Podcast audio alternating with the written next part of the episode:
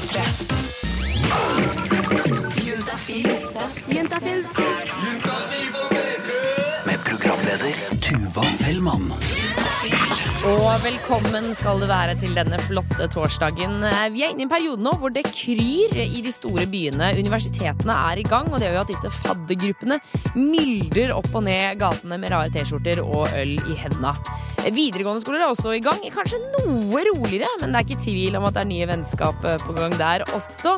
For ikke snakke om folk som er tilbake i både nye og gamle jobber. Jeg føler at dette er tiden hvor man kan få mest nye venner og bekjente, spør du meg. Så det er en tid man burde ta ekstra godt vare på. Og så er det jo, herregud, om det ikke er noen nye venner eller noen muligheter, så eh, er det ikke verdens undergang heller. Vi her på Juntafil liker deg uansett. Jeg heter Tuva Fellmann, og i løpet av de tre neste timene så er det mye som skal skje. Vi skal svare på dine spørsmål om sex, kropp og følelser. Vi skal dele ut kondomer, og vi skal ha det masse, masse gøy. Men i den kommende timen, frem til klokka seks, så skal vi snakke om noe som er ganske alvorlig, eh, for ikke å snakke om ganske tungt. I dag på Juntafil så skal vi snakke om det å bli tvunget til å ha sex med noen, nemlig det å bli voldtatt. Og nå skal vi ta for oss noe som er utrolig vanskelig og provoserende, men også veldig, veldig viktig å snakke om. Eh, For det handler om å bli voldtatt her i Juntafil. Eh, For det er ikke greit å ligge med noen eh, som ikke vil, eller som ikke sier seg enig, og det høres jo på en måte ut som en selvfølge. Eh, Når jeg sier det, så høres det ut som at det, trenger jeg egentlig ikke å si, men når man ser på statistikken, eh, så viser det at det kanskje ikke er kanskje ikke er en selvfølge, for både gutter og jenter blir stadig tvunget til å ha sex med personer de ikke vil ha sex med i dette landet. Eh, og det er vanskelig for meg som ikke har opplevd dette, eh, å sette meg inn i hva som faktisk skjer med en person. Eh, både under og etter et overgrep. Hva er det egentlig som blir tatt fra en? Er det, blir tryggheten borte? Blir selvfølelsen borte? Blir kanskje identiteten borte? Eller skjer det kanskje ingenting? Det er klart at Dette er forskjellig fra person til person, og hver følelse og opplevelse er ekte og unike. Eh, og Vi skal straks få besøk av en som har opplevd nettopp dette her i Juntafil. Kent han er 33 år gammel og ble voldtatt for to år siden. Og du skal straks få høre hans historie her på P3. Det er enkelte ting som eh, ligger som et skrekkscenario langt bak i hodet på så å si alle mennesker. Og så er det noen enkeltindivider som er så uheldige at de faktisk opplever disse scenarioene på ordentlig. En av de er vår neste gjest her i Juntafil, eh, Kent Johansson. Velkommen inn i studio. Takk for det. Du eh, var ute en eh, fredagskveld i februar sammen med noen kollegaer og tok et par øl. Um, og dette var en bra kveld. Det var, det var gøy, så dere bestemte dere for å dra videre da utestedet stengte. Eh, men det er lang tid, eh, lang ventetid på taxi, eh, og mens de andre står ute, så går du ned i kjelleren på utestedet for å gå på do. Og hva er det som skjer da? Jeg går ned i kjelleren, der toaletten er. Og så, når jeg kommer opp igjen og ut på gata, så er ikke vennene mine der lenger. Da har de tatt seg en drosje og dratt av gårde. Og da føler jeg meg veldig surrete. Føler at eh, ting blir veldig blurry, og etter hvert så får jeg helt blackout. Da husker jeg ikke noe mer før jeg eh, kommer i Nei, jeg våkner i en eh, taxi utafor der jeg bor. Da dytter taxisjåføren bort til meg og vekker meg. Og da går du ut av taxien og oppfatter at det er noen andre med deg i bilen som du ikke vet hvem er. Eh, og hva er det som skjer da? Jeg kan så vidt huske at jeg spør hva han driver med, eller hva han skal for noe, men jeg vet ikke åssen svaret jeg får fra han. Og så tror jeg han følger etter meg opp i leiligheten, eller opp i heisen og opp i leiligheten min. Og da husker jeg ikke så veldig mye. Det er helt svart. Så får jeg et glimt av eh, at han driver og romsterer i leiligheten min. Han eh, virker som han driver og leiter etter ting av verdi. Og det blir eh, helt svart igjen. Og da husker jeg ikke noe før jeg kjenner at han ligger oppå meg, og jeg på en måte våkner idet jeg skriker nei, nei. Og kjenner at han eh, At han voldtar meg. Voldtar deg på hvilken måte da? Han eh, har bent eh, beina mine opp mot brystet og penetrerer meg. Analt.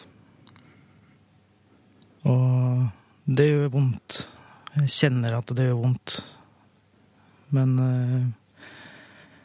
jeg er så um, jeg, jeg har ikke noe følelse i armene. Jeg prøver på en måte å dytte den vekk. Jeg prøver å løfte armene mine, men de er helt tunge. Så, så jeg greier ikke å gjøre noe motstand i det hele tatt. Og så blir alt svart igjen. Og da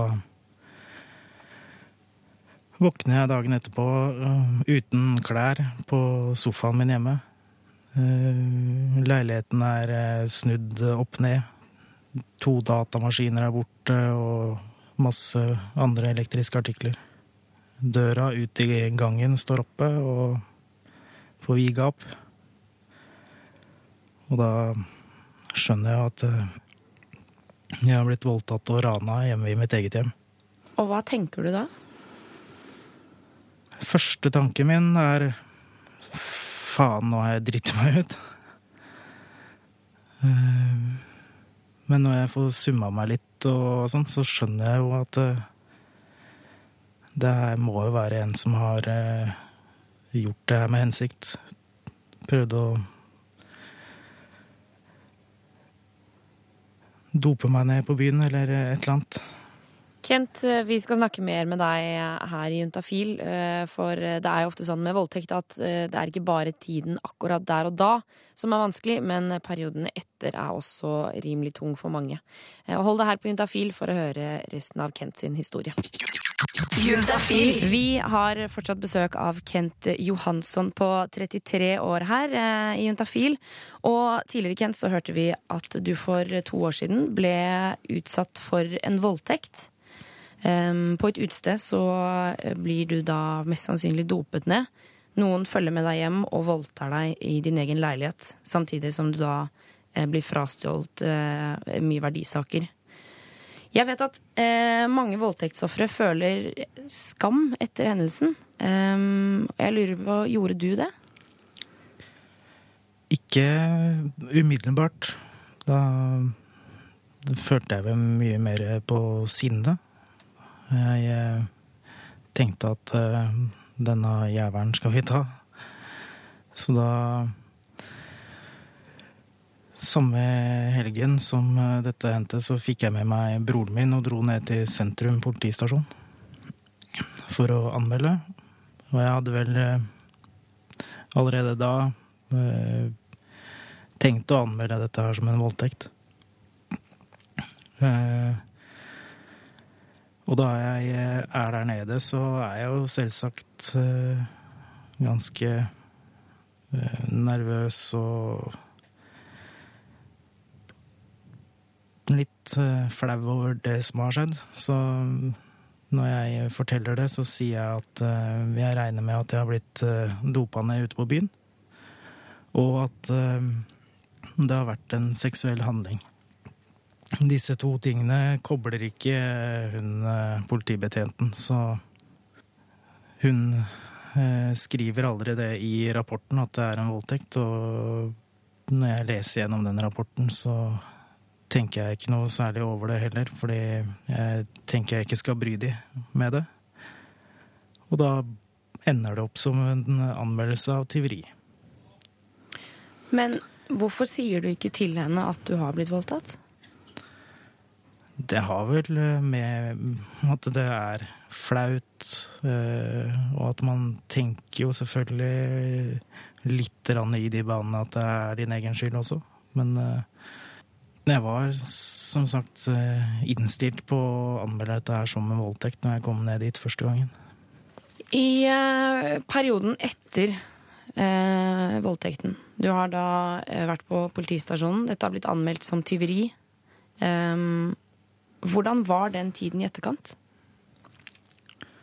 Den tida i etterkant av eh, anmeldelsen, da tenkte jeg det at eh, det her var, min skyld, siden politiet brød seg jo ikke. Eh, det utvikla seg mer til sosial angst, depresjon.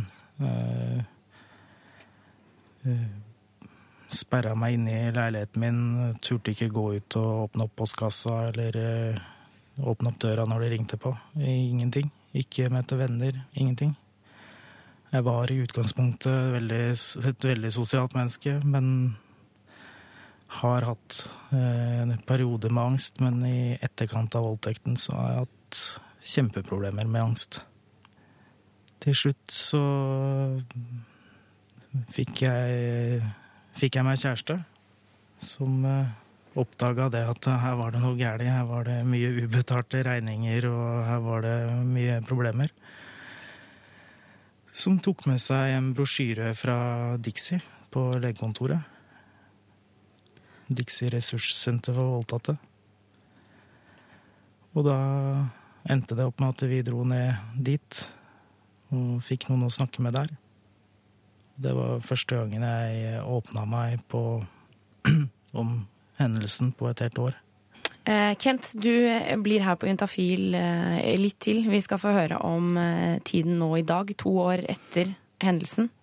Eh, Du som hører på, må holde deg her på kanalen for å få med deg resten av historien. Juntafil. Vi har fortsatt besøk av Kent Johansson her eh, i Juntafil, eh, som for to år siden ble utsatt for en voldtekt etter å ha blitt dopet ned på et utested. eh, Og blir da fulgt hjem etter og blir voldtatt i sin egen leilighet. Og Kent, du har lett før låta her så fortalte du at du sleit med å fortelle hva som faktisk hadde skjedd da du ikke anmeldte det dagene etter selve hendelsen. eh, Og at det endte opp med at du bare anmeldte som tyveri. Mm. Men så, senere, så eh, kjører du en ny runde etter å ha vært i kontakt med ressurssenter eh, for voldtatte, og drar da ned til politistasjonen på nytt et år senere og anmelder. Hvordan var det å da få anmeldt det som voldtekt? Da når Når jeg skulle anmelde det for andre gang, så hadde jeg med meg bistandsadvokat, og jeg hadde med meg eh, kjæresten min inn der, så mm, jeg hadde jo veldig mye støtte i ryggen. Eh, Ett år er gått, mye er bearbeida også i tillegg til det. Selv om det er veldig nært. Andre mennesker eh, kan jo bearbeide i mange, mange år. Eh, Så klart det er hardt å sitte og fortelle den samme historien tre-fire ganger fram og tilbake, men eh, jeg følte jo med en gang en stor lettelse i å få plassert skyld, fordi jeg hadde gått altfor lenge og skyldt på meg sjøl. Og nå er det to år siden, snart tre. Mm. Ehm, hvordan er det med deg nå? Altså, du husker jo i utgangspunktet egentlig ikke veldig mye fra voldtekten, bortsett fra to punkt. Mm. Et hvor du eh, enser at du kommer ut av taxien, og at det er noen med deg. Og et hvor du da blir utsatt for en voldtekt. Det går eh, mye, mye bedre. Jeg har hatt eh, veldig problemer med depresjon.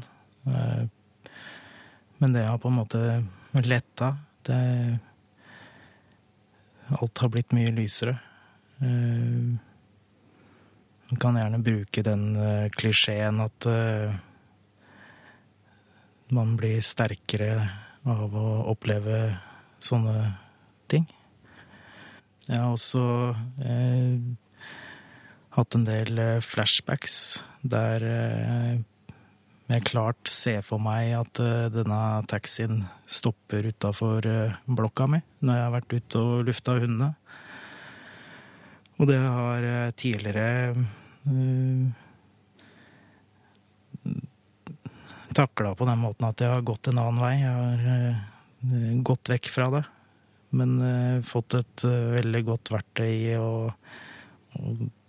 prøve å mestre det på en annen måte ved å lage min egen historie. Hvordan da? Eh, da han kommer ut av taxien Det er jo på en måte det jeg husker som starten på den jævlige kvelden. Og da har jeg eh, i samtale med terapeut eh, lagd min egen historie til det her. Og da, når taxien stopper, så kommer alle vennene mine ut av taxien isteden. Og på den måten så unngår du de flashbacksene? Ja. Eh, Kent Johansson, eh, tusen takk for at du kom innom Juntafil og delte din historie i dag. Bare hyggelig.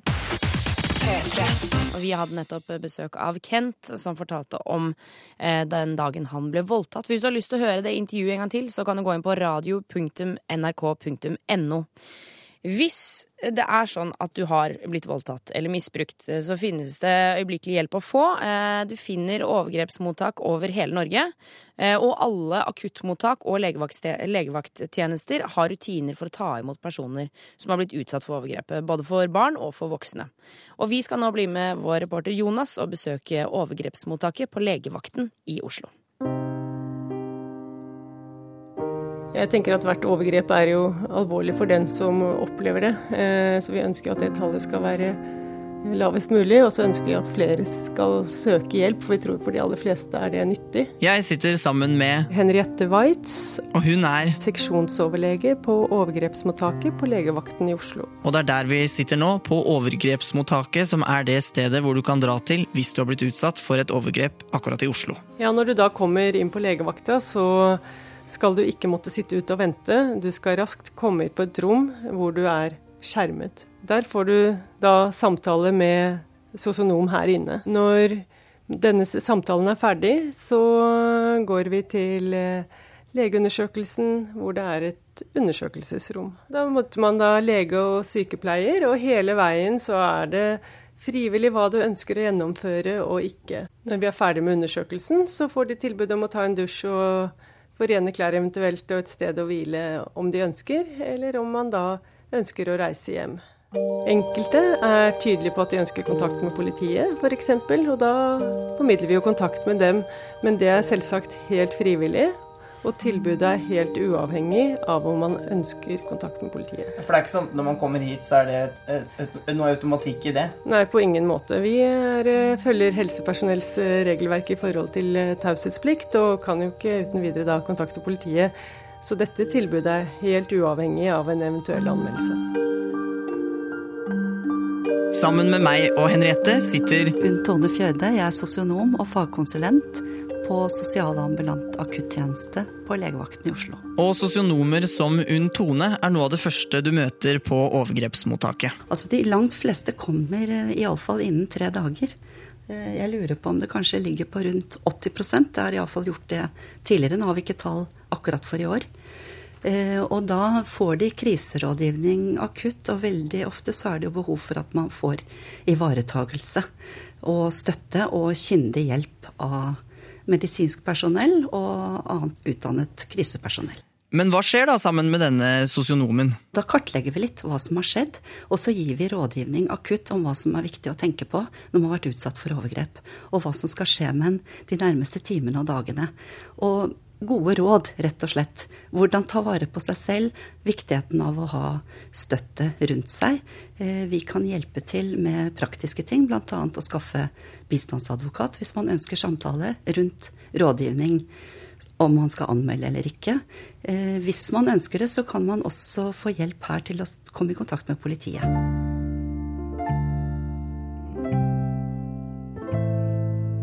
Etter at de har vært eh, til samtale med sosionom, får de tilbud om en legeundersøkelse. Eh, hvor man både gjør en medisinsk undersøkelse med tenke på skader og lignende. Og man får også tilbud om en rettsmedisinsk undersøkelse hvor man sikrer spor i tilfelle man ønsker å anmelde. Og dokumenterer eventuelle skader, altså med foto osv. Så, eh, får man også medisiner. Eh, forebyggende medisiner mot smitte og graviditet osv.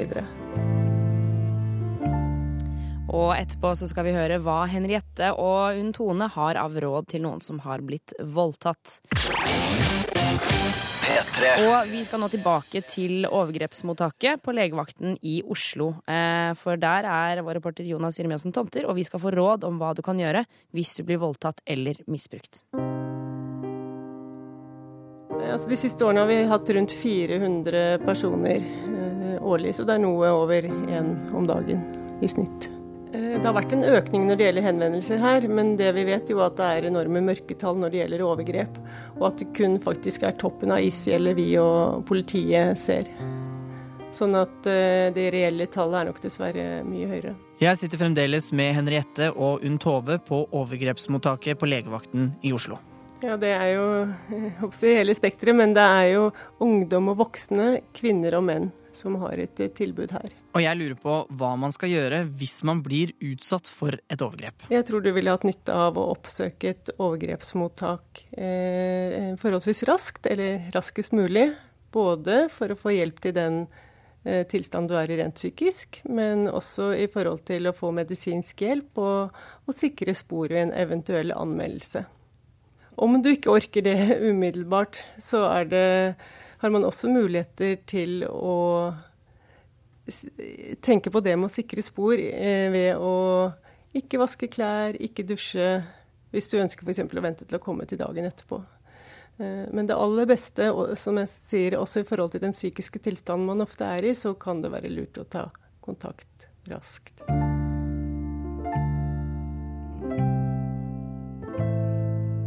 Hvis man vasker klær og dusjer og vasker seg, så vil jo ofte mange spor gå tapt. Eh, Og det er jo en del som hvor den, nat hvor den naturlige reaksjonen egentlig er å bare komme seg hjem og dusje og vaske seg og få dette mest mulig bort. Det er sånn psykologisk eh, oppleves veldig eh, riktig, men eh, akkurat i forhold til det å sikre spor, så er det litt uheldig. For da kan jo viktige spor gå tapt. Som Henriette nevnte i sted, så er det mørketall når det gjelder misbruk og voldtekt. Det er svært mange som verken drar til et overgrepsmottak eller som melder det fra til politiet. Og jeg spør hun Tove hvorfor det er slik. Eh, seksuelt overgrep er eh, en veldig invadering og en krenking. Eh, og man eh, kommer fort til en eh, erkjennelse av at eh, dette er på en måte skambelagt. Eh, og da er terskelen ofte høy for å søke hjelp. Det er viktig å dele dette med noen som du har fortrolighet til. F.eks. nærmeste venn, venninne, eh, kanskje familie. Ikke bli sittende med denne historien alene. Fordi tankene kverner og går i hodet. eh, Og man blir på en måte gående i det samme sporet og klarer ikke å komme seg ut av alt det tankekjøret. Alle de selvbebreidelsene, skyldfølelsen eh, og alt det vanskelige som på en måte overgrep handler om. Eh, Så vi gir som råd ha noen rundt deg, ha god støtte rundt deg. Det betyr veldig mye å ha støtte i det naturlige nettverket sitt. Eh, Og det er også viktig å kunne snakke med kanskje noen som er helt utenfor. Altså få profesjonell hjelp. La oss si du har dratt til overgrepsmottaket, du har fått eh, hjelp. Hva er veien videre etter det? Da får man tilbud om eh, videre samtaler med sosionom og medisinsk oppfølging. Vanligvis så vil man få en oppfølging i en tre måneders periode. Eh, og det er litt opp til den enkelte hvor, mye, hvor tett kontakt en ønsker.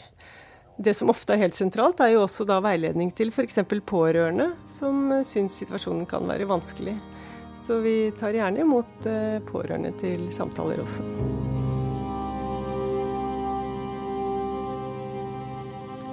Og takk til eh, reporter Jonas Jeremiassen Tomter. eh, Og på www.fmso.no så kan du finne oversikt over eh, overgrepsmottak eh, over hele Norge med telefonnummer og adresse.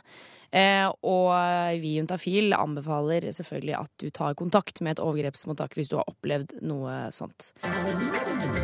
Få svar på dine spørsmål om sex, kropp og følelser. Send melding til til 2026. Og jeg har fått besøk i studio av vår SUS-lege Rune. Velkommen, Rune. Takk skal du ha. Du, eh, SUS det står for Senter for ungdomshelse, samliv og seksualitet. Dette kan du. Dette kan jeg altså så utenat. Det er helt sjukt. Eh, men dere sitter i hvert fall og svarer på både SMS-er og telefoner og alt sammen hver eneste dag. Hver dag. Eh, og man kan spørre om eh, det man vil når det kommer til sex, kropp og følelser. Og på torsdager så eh, får vi altså inn SMS-ene her på skjermene foran oss, så skal du svare på lufta. Yes. Vi har fått inn en melding allerede hvor det står Hei, jeg er en jente på 14 år. Har hørt fra venninner at jeg kan bruke angrepille istedenfor kondom. Hvor, hvordan skal jeg ta den? Putter jeg den inn som en tampong, eller svelger jeg den? Takk. Ja, først og fremst så er det jo sånn at uh, angrepille eh, er nødprevensjon. Ja. Så det er uh, nødvendig prevensjon når du har ikke noe annen prevensjon. Altså da, Så du mener at eh, det er på en måte ikke greit å si bare dropp kondom, du kan ta angrepille? Angrepille skal aldri erstatte en god form for prevensjon. Ja. En god form for prevensjon det er eh, kondomer og, og hormonprevensjon, altså p-piller og Ja. andre former. Men hvorfor er det på en måte Hvorfor er det bare nødprevensjon? Hvorfor det er nødprevensjon? Eller hvorfor kan det ikke erstatte en vanlig prevensjon? liksom? Nei, altså du skal ta det etter å ha tatt sex, da, eller hatt sex eh, men du kanskje kondomet er sprukket, du har glemt å ta en p-pille, du går ikke på p-piller og hadde sex eh, uten å bruke kondom, Ja. eh, og da for å forhindre at man blir gravid. Ja. Og i de aller fleste tilfeller, eller ikke de fleste tilfeller, men i mange tilfeller så vil det da kunne forhindre en graviditet. Eh, Men det er viktig å teste seg allikevel for graviditet to uker etterpå. Ja, For de er ikke sikre i det. Altså, de er ikke sikre. De er i hvert fall ikke 100% sikre. Nei. Men eh, når er det, altså, det er jo sånn at eh, når du, du skal ta den så raskt som mulig. Raskt som mulig, eh, helst rett etter samleie, og senest innen fem dager. Altså Jo tidligere man tar den, jo mer effektiv er den. Ja, Så da minker det liksom med hver dag som går. Sikkerheten, på en måte. Ja, helt klart. Eh, men vi må tilbake til jente 14 her, for hun sier at hun har hørt at hun kan Eller altså hun lurer på hvordan hun skal ta den. Så hun putter den inn i skjeden som en tampong, eller svelger hun den? Mm, vi snakket jo litt om det. Man svelger den altså. Det er ikke noe man putter i skjeden, det er noe man kjøper i kiosk Ja. som en tablett, liten tablett, Ja. og man tar den så fort man kan. Ja. Kjøp den på apotek eller kiosk. Ikke sant. Send SMS med kodeord til 2026.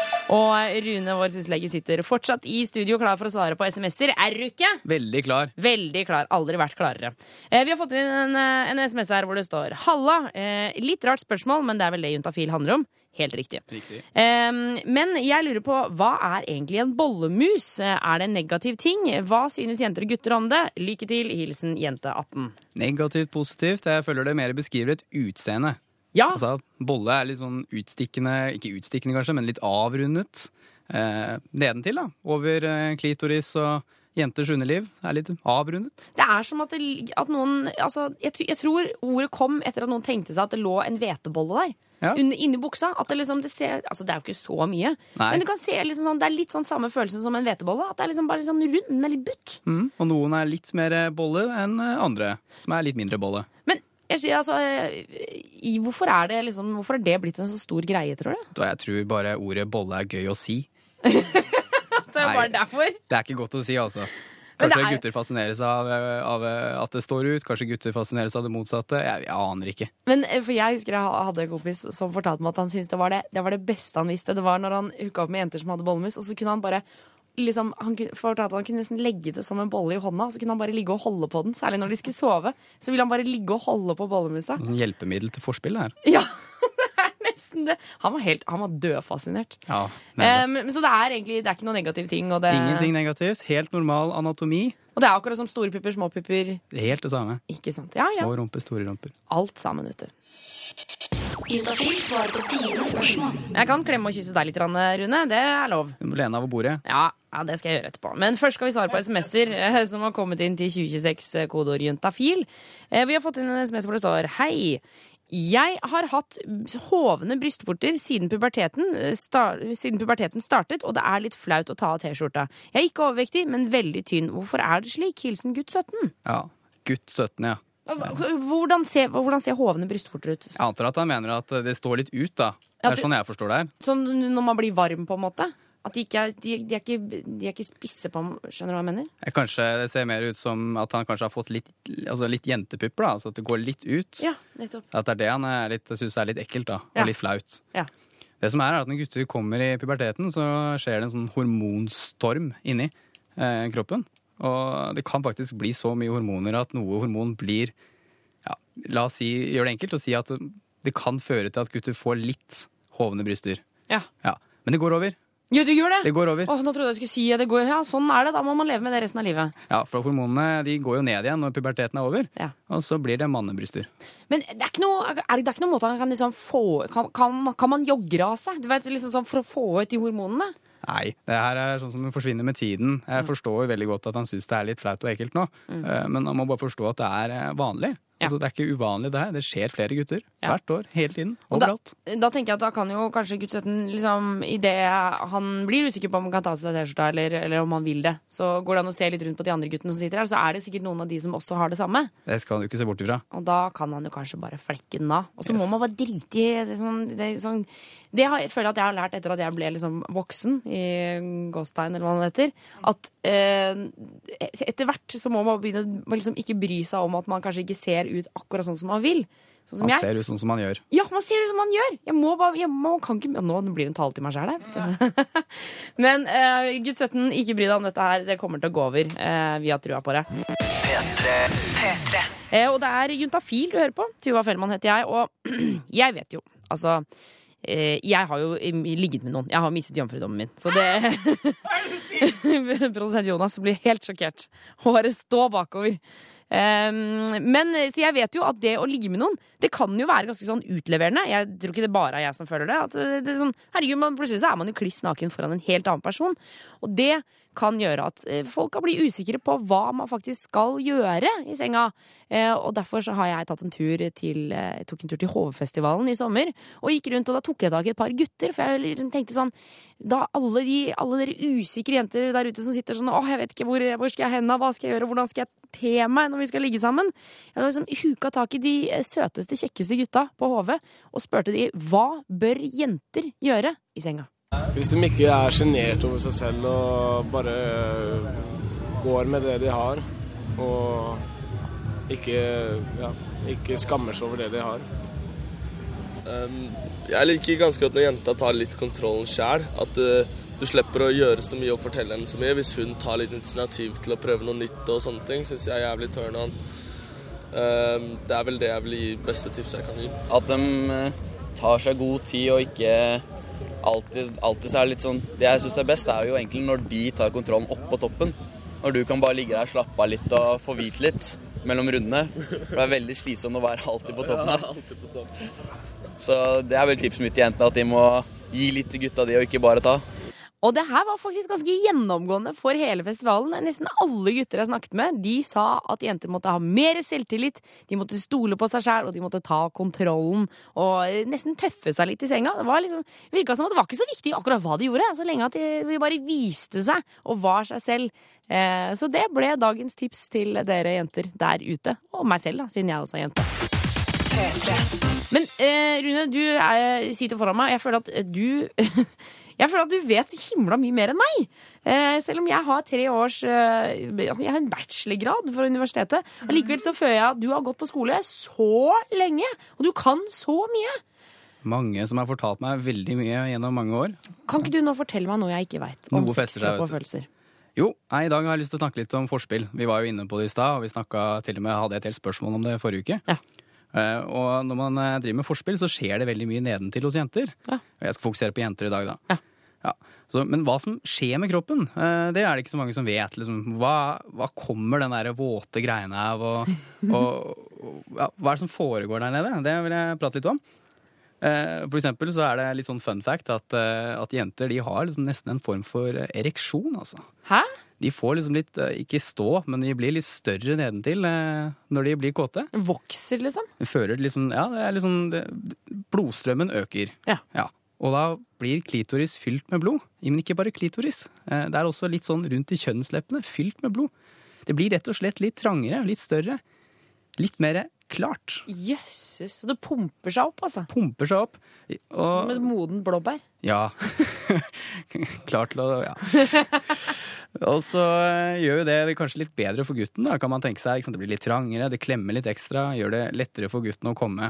Så hører dere, gutter, det forspill er lurt. Ja, da blir det bedre for dere også. Det blir bedre for jenta også når eh, det blir vått. Eh, Men den fukten den kommer jo et sted fra. Eh, Og det er litt eh, også nok en sånn fun fact da, at eh, når blodet begynner å strømme litt ned til der, så blir liksom skjedeveggen rett og slett den begynner å svette. da. Det renner liksom gjennom skjedeveggen. Er det sant? Ja, det drypper nedover. Er det Nei, det som er liksom fittesaft, på en måte? Ja. Er det på- svette? Ja, ikke svette akkurat, men liksom nesten, vi, kan sammen, vi kan kalle det svette her, da. Det er ett av stedene de væskene kommer fra. I tillegg så kommer det litt fra, fra livmorhalsen, sånn dypt inni der. Ja. Og så spekuleres det litt i noen par kjertler som sitter helt ved utgangen. Men det meste kommer altså fra veggen. Så, ok, så, så det vil si at hvis liksom, man liksom putter en finger opp i, i jentetissen, så, det liksom, så kjenner man jo skjedeveggen inni der, liksom. Ja, den, er det der, den som svetter? Vannet, altså vannet, sier jeg. Væsken klemmes gjennom der da, av litt sånn blodgjennomstrømning. Herregud. Så da bare, og jeg ser det for meg kommer sånn piplende sånn svettedråper som det kommer i panna. Det er sånn man ser for seg det som forsker også. Du, det liker jeg veldig godt, eh, Rune. Tusen takk for at du eh, Dette visste jeg faktisk ikke. Det likte jeg godt. Nå kommer jeg alltid til å tenke på det. Sånne svetteperler inni tissen. Herregud. Få svar på dine spørsmål om sex, kropp og følelser. Send melding til kodeord til 2026. Og vår syslege Rune sitter fortsatt i studio. Eh, og du som hører på, kan sende en SMS-er til 2026, eh, kodeord juntafil. Skal ta med kjønn og alder på SMS-en din. Eh, neste person har ikke gjort det, si. Men det står i hvert fall. er du klar, Rune? Ja, jeg er klar. Eh, hei dere, utrolig bra program. Eh, jeg lurte på, er det normalt å blø etter å ha puttet inn hormonspiral? Altså flere måneder etterpå? Noen bivirkninger av hormonspiral, så er det noen som kan oppleve å ha en del småblødninger de første månedene etterpå. Ja, No. men, men aller først, hva er hormonspiral? Ja, hormonspiral det er en, eh, en liten, la oss si en pinne, som du putter inn i livmoren, som blir sittende der eh, med et par tråder hengende ut. eh, Kort sagt, Herre det er prevensjon. Det høres helt sjukt ut. Hva er det du sier for noe? En pinne oppi tissen? Ja, men den ligger der, og den skal ikke gi plager. Eh, Og den er eh, noe av det mest effektive vi har. Eh, Hvor, hvor stor er den, da? Eh, Nå må jeg tenke meg fem centimeter lang, kanskje. Fem centimeter, ja? Ja. Ok, ok, vent da, unnskyld, ble jeg, jeg ble bare liksom så- Så du putter den opp i livmoren, Opp i den lille pinna, Mm. og så henger det to trådene. Så du Mm, kan og så dra kan den ut. liggende der i en del år. Eh, En så del slipper, år, ja. slipper du å tenke på prevensjon. ikke sant? Mange unge jenter driver og glemmer p-piller og glemmer p-plaster og glemmer p-ring, men eh, spiral går ikke an å glemme. altså. Den bare er der. Den bare er der. Ok, og så, og så over til dette om eh, altså, For da setter man den inn, da gjør man det hos en lege, da, eller? Det er leger som gjør det, ja. Ja. Og hun her lurer da på om man blør da, om det er vanlig å blø flere måneder etterpå. ja. Det kan være uh, at, det er, at det er helt ufarlig, at det er liksom bivirkninger. Noen opplever det. Eh, men eh, det kan også være sånn at eh, den er i ferd med å falle ut. Og det at den ligger og irriterer og gir småblødninger. Og da kan det være litt greit å gå og sjekke, da, siden hun har hatt litt sånn småblødninger hele tiden. i Ikke sant? Men Så det er, det er vanlig en liten stund, men, men over lengre tid så burde man sjekke det ut. Ja, det syns jeg. Men eh, kan jeg spørre, hvis du tar denne hormonspiralen ut, det er ikke noe sånn at det er vanskelig å få barn igjen seinere? Det er ikke sånn Ikke noe en annen prevensjon, nei. Det ikke noe eh, Altså, det minsker ikke sjansen for å bli gravid, hvis det er det du spør om. Ja, Nei, men Er dette, er dette liksom det prevensjonsmiddelet som du anbefaler? Nei, jeg ville heller gå for, eh, hvis du er ung, da, gå for eh, P-stav. For det er jeg fan av. Altså, P-spiral er kjempebra, det også. Ja. Men uh, P-stav det syns jeg er enda mer fancy. Det er en sånn pinne du setter inn i armen. Den kan rett og slett ikke falle ut. Jeg syns det er så rart mye man setter inn i kroppen. Ja. Den setter du inn i armen, altså. Den uh, skiller ut hormoner da, i tre år, Ja. og så har du den der i tre år og slipper du å tenke på det. Syns ikke, kjennes ikke. Hvis eh, dette her høres ut eh, som det er noe for deg, så bør du oppsøke din eh, lege og eh, få hjelp til eh, hvilket prevensjonsmiddel man eh, burde ha. Eller Eh, ringe SUS-telefonen. Eller ringe SUS-telefon. Men selvfølgelig, hvis, dette er, hvis det er sånn at du ikke har sex til vanlig, altså hvis du ikke har fast partner, så er kondom det beste. Helt klart. Send SMS med kodeord til 2026. Og SUS-lege Rune, før du pakker snippveska og trasker hjem, så skal vi ta med oss et siste spørsmål. Jeg er klar. Eh, vi har fått en melding her. Hei, kjære Tuva og kompani. Jeg har akkurat fått ny dame, og når vi skal ligge sammen, insisterer hun på at jeg skal bruke to kondomer samtidig. Jeg har aldri opplevd lignende før. Vil dette føre til økt sikkerhet imot graviditet? Hilsen gutt 22. Hvorfor det, mon tro? Er det fordi hun eh, lurer på og er redd for å bli gravid, eller er det for at Kanskje i sm- smånoia her, tror du ikke det? Ja, kanskje noia for å bli smittet av seksuelt overførbare infeksjoner. Ja, uansett da, så er det å bruke kondom, to kondomer oppå hverandre er ikke så lurt. For Er det ikke lurt? Nei, det kan rett og slett føre til at det er lettere sprekker, at det lettere blir luftbobler. At, ja, jo. Så det er ikke noe lurt. Så da går det feil vei, da, det hun ønsker. Du, det, dette her trodde jeg helt seriøst dette, Jeg trodde ikke det var noe liksom, Jeg trodde ikke det var noe negativt å ta to stykker på. Det blir fortere luft imellom, da. Og det luft imellom er jo det som kan få kondomet til å sprekke. ikke sant? Ja. Eh, Så da, hvis hun er redd for å bli gravid, bruk eh, annen form for prevensjon. Bruk p-piller. Bruk eh, eh, spiral, som vi snakket om i stad. Eller Ja. p-stav, ikke sant. Mm. Hvis hun er utrygg.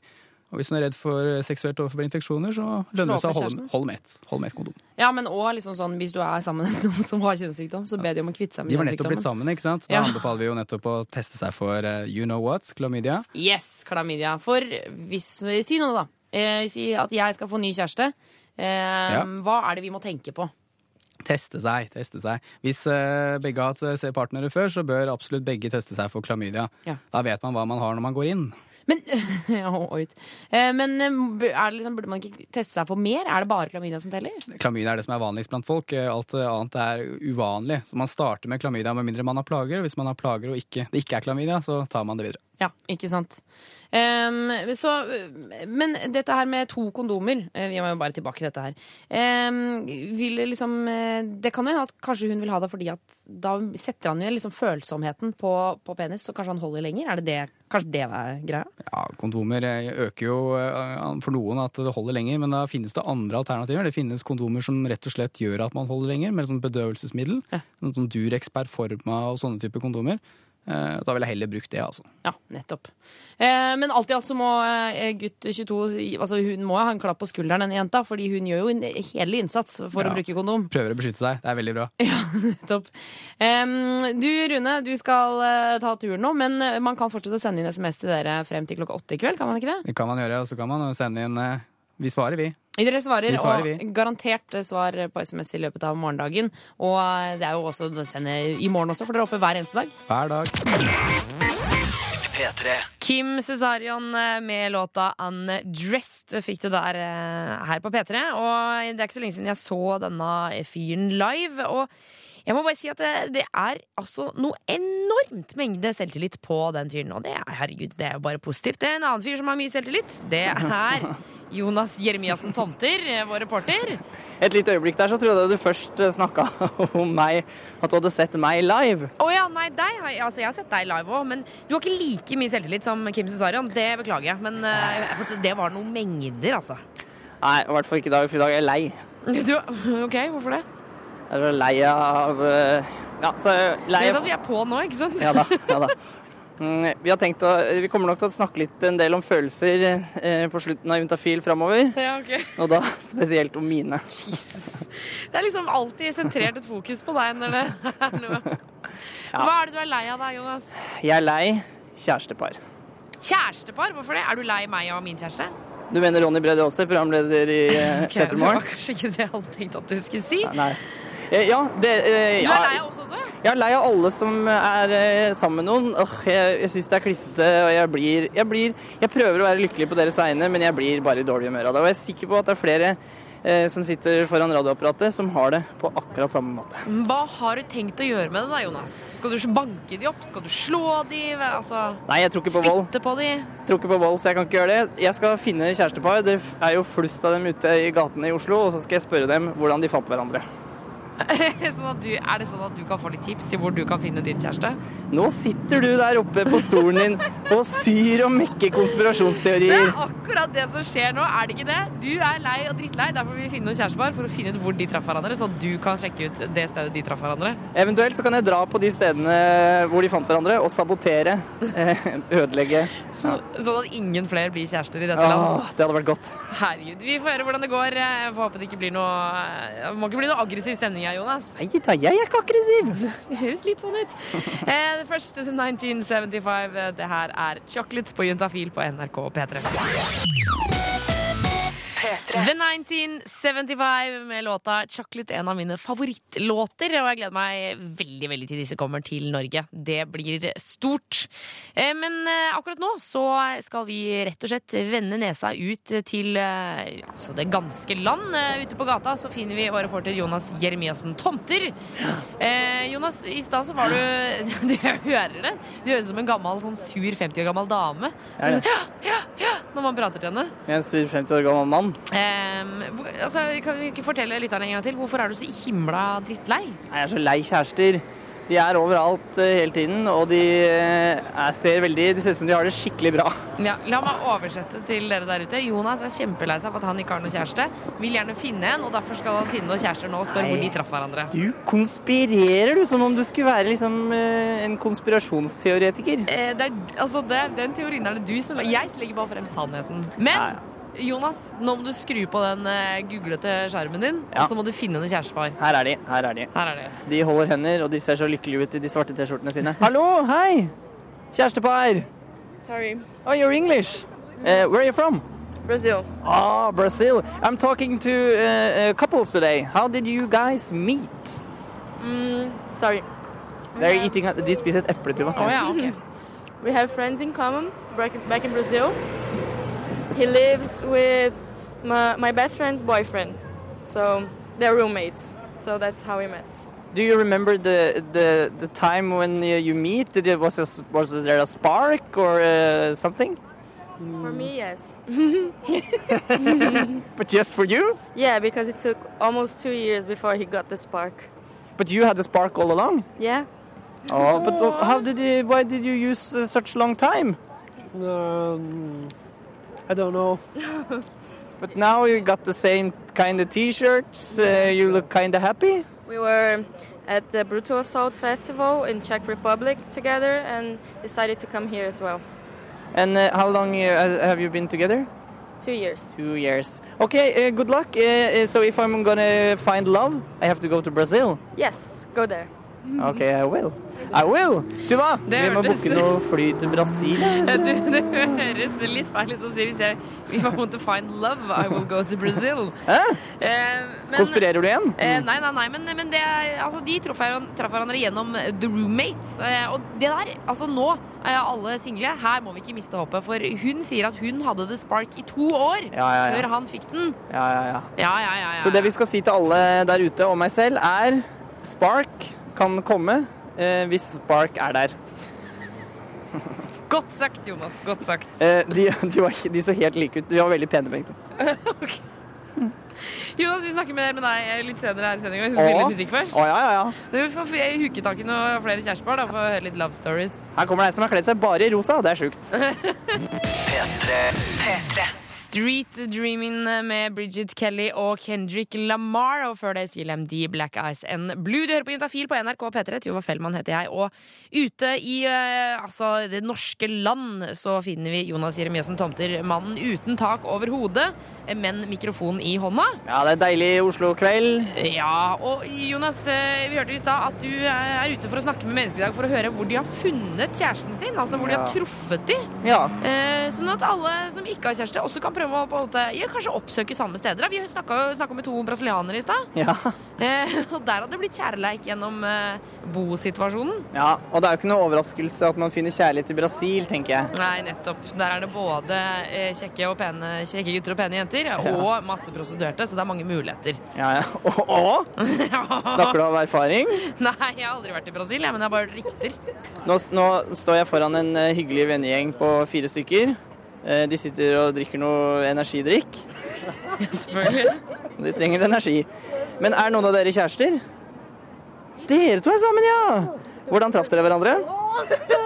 Er dere kjærester? Nei, ingen lesbiske her. Her er det bare heterofile par. Hvordan, hvordan fant dere hverandre? Nei, altså felles venner og nissefest, nissefest, låvefest. Oi! det- Låvefest, Det er spennende. Hvem var nisse, og hvem var uh, gave, holdt jeg på å si? Nei. Forklar, hvordan skjedde det? Hvordan, møtte, hvordan fant dere ut at dere, var, eh, at dere skulle bli sammen? Det var jo ikke en veldig spennende historie, egentlig. da. Nei. Det tok, gikk over lang tid. Å ja, det gikk over lang tid. Veldig lang tid. Eh, Dere, var, dere er venner, var venner fra før, altså? Men hva, hva skal dere si til de som der ute som har lyst til å få seg kjæreste? Hvor bør de dra for å finne kjærester? På Hva, hva sa du? På nissefest. Ja, for da, da er man jo litt sånn Nissen er jo veldig hyggelig. Han er veldig god, rund og god å kose på. Han gir gaver. Det er en hyggelig situasjon. Men eh, på nissefest, eh, fant dere dere kjærester der? Nei. Nei. Nei, jeg var, ikke, jeg var ikke på nissefest. Å, bitter. Hun er veldig veldig bitter, Tuva, fordi hun ikke var på nissefest. Hun eh, knakk nå akkurat sammen i gråt. Faen meg, det høres trist ut. Ja, det var trist. Eh, men det er litt fnising der også, så det kan jo hende at eh, det var noe happy endings der eh, after all. Ja, ja, det, At risengrynsgrøten var varm og god. Ja. Men eh, da har vi lært to ting i dag. Ja. Eh, Brasil eller venner. Altså, vi har lært tre ting i dag. Vi har lært tre ting i dag. Eh, enten så kan man dra til Brasil, eller så kan man eh, holde på sparken. Kanskje det kan bli noe mellom venner. Det der er jo veldig sånn eh, kontroversielt tema, om det blir noe mellom venner, om de kan bli kjærester. Og til slutt her nissefest. Nissefest. Ja, det ligger det er alle fester du blir invitert på. Der er det mulighet. Der er det mulighet for å treffe nye mennesker. Ja. så jeg sier go for det. Når du, blir invitert på fest, så må du dra. Det er så lenge til jul. Ja, men du trenger ikke å dra på nissefest. Du kan dra på Jeg var på låvefest forrige helg, Jonas. Ja. Jeg inviterte deg med. Ble du med? Nei, det gjorde du ikke. Nei takk. OK, Jonas, du får komme deg opp igjen til NRK. Sånn at du, her kan du få den gode, deilige NRK-kjæreleiken. ja, det blir godt. P3. Eh, Her på P3 på NRK P3, Juntafil Ikke snakk sånn. på. Og ved siden av meg sitter Jonas Jemiassen Tomter. Velkommen inn. Nei, du har vært her hele tiden. Hvordan går det? Du kan ikke snakke sånn på radio. Hadde jeg fått fortsette å jobbe i P3 hvis jeg jobbet sånn, snakket sånn her hele tiden? Hadde jeg fått lov? Nå blir jeg flau. Tone Jondal, hadde jeg fått lov? Må du slutte. Ja, det var jeg. Eh, det var litt morsomt. Jeg likte det. Eh, Jeg liker at jeg svarer på mine egne spørsmål. Du prater altfor lite nå, Jonas. Kan vi gå til konkurransen, da? Ja. Vi har en konkurranse. Du som sitter og hører på, kan vinne Juntafil-kondomer. Eh, og de kommer jo alltid eh, in handy. Yep. Eh, forresten, i stad så sa jeg at man kunne ha det i baklomma, at det var lurt. Det er ikke lurt. Nei, det har vi lært tidligere i denne programserien. At eh, da kan de få rifter, de kan bli slitte. Ikke lurt. Ha de i lommebok, f.eks. Ja, men det- hvis du har mynter, så ikke lurt der heller. Hæ, hvor skal du ha det da? Eh, da kan du ha det på innsiden av jakkelomma, f.eks. Ja. Eh, eller om du har en veske som du kan bare slenge de oppi. Nei, jeg vet ikke om det er lurt heller. Bare ha det et sted hvor det ikke er liksom, ikke inntil nøkler og sånn. Pakk dem inn i bobleplast. Ja. Men eh, eh, nå kan du også vinne disse kondomene som du skal ta meget godt vare på. Eh, eh, juntafil, krøllalfa, nrk.no. Gjør klar mailadresse. Det er jo eh, greit å ha det klart. Eh, denne konkurransen her den går ut på at vi får kjendiser til å forklare sin favorittkroppsdel. Og så må du som hører på, da må du prøve å gjette, og så trekker vi ut noen vinnere som vinner kondomer. Ja. Og dagens eh, kjendis, det er eh, Gabrielle. Yes! Eh, og nå skal vi høre eh, hvilken kroppsdel er det Gabrielle forklarer her. Min favorittkroppsdel, den er litt sånn rødlig. Og så er den litt sånn altså, litt rund, og så er det et hull eh, inn. Og så er den på en måte litt sånn er myk. Jeg tror den er myk og beveger seg eh, litt av og til. Um, og så er det på en måte, kan det være litt sånn fuktig inni den. Uh, og så uh, ja, kan det komme lyd ut, faktisk òg. Det gjør det ganske ofte. Det er min favorittkroppsdel.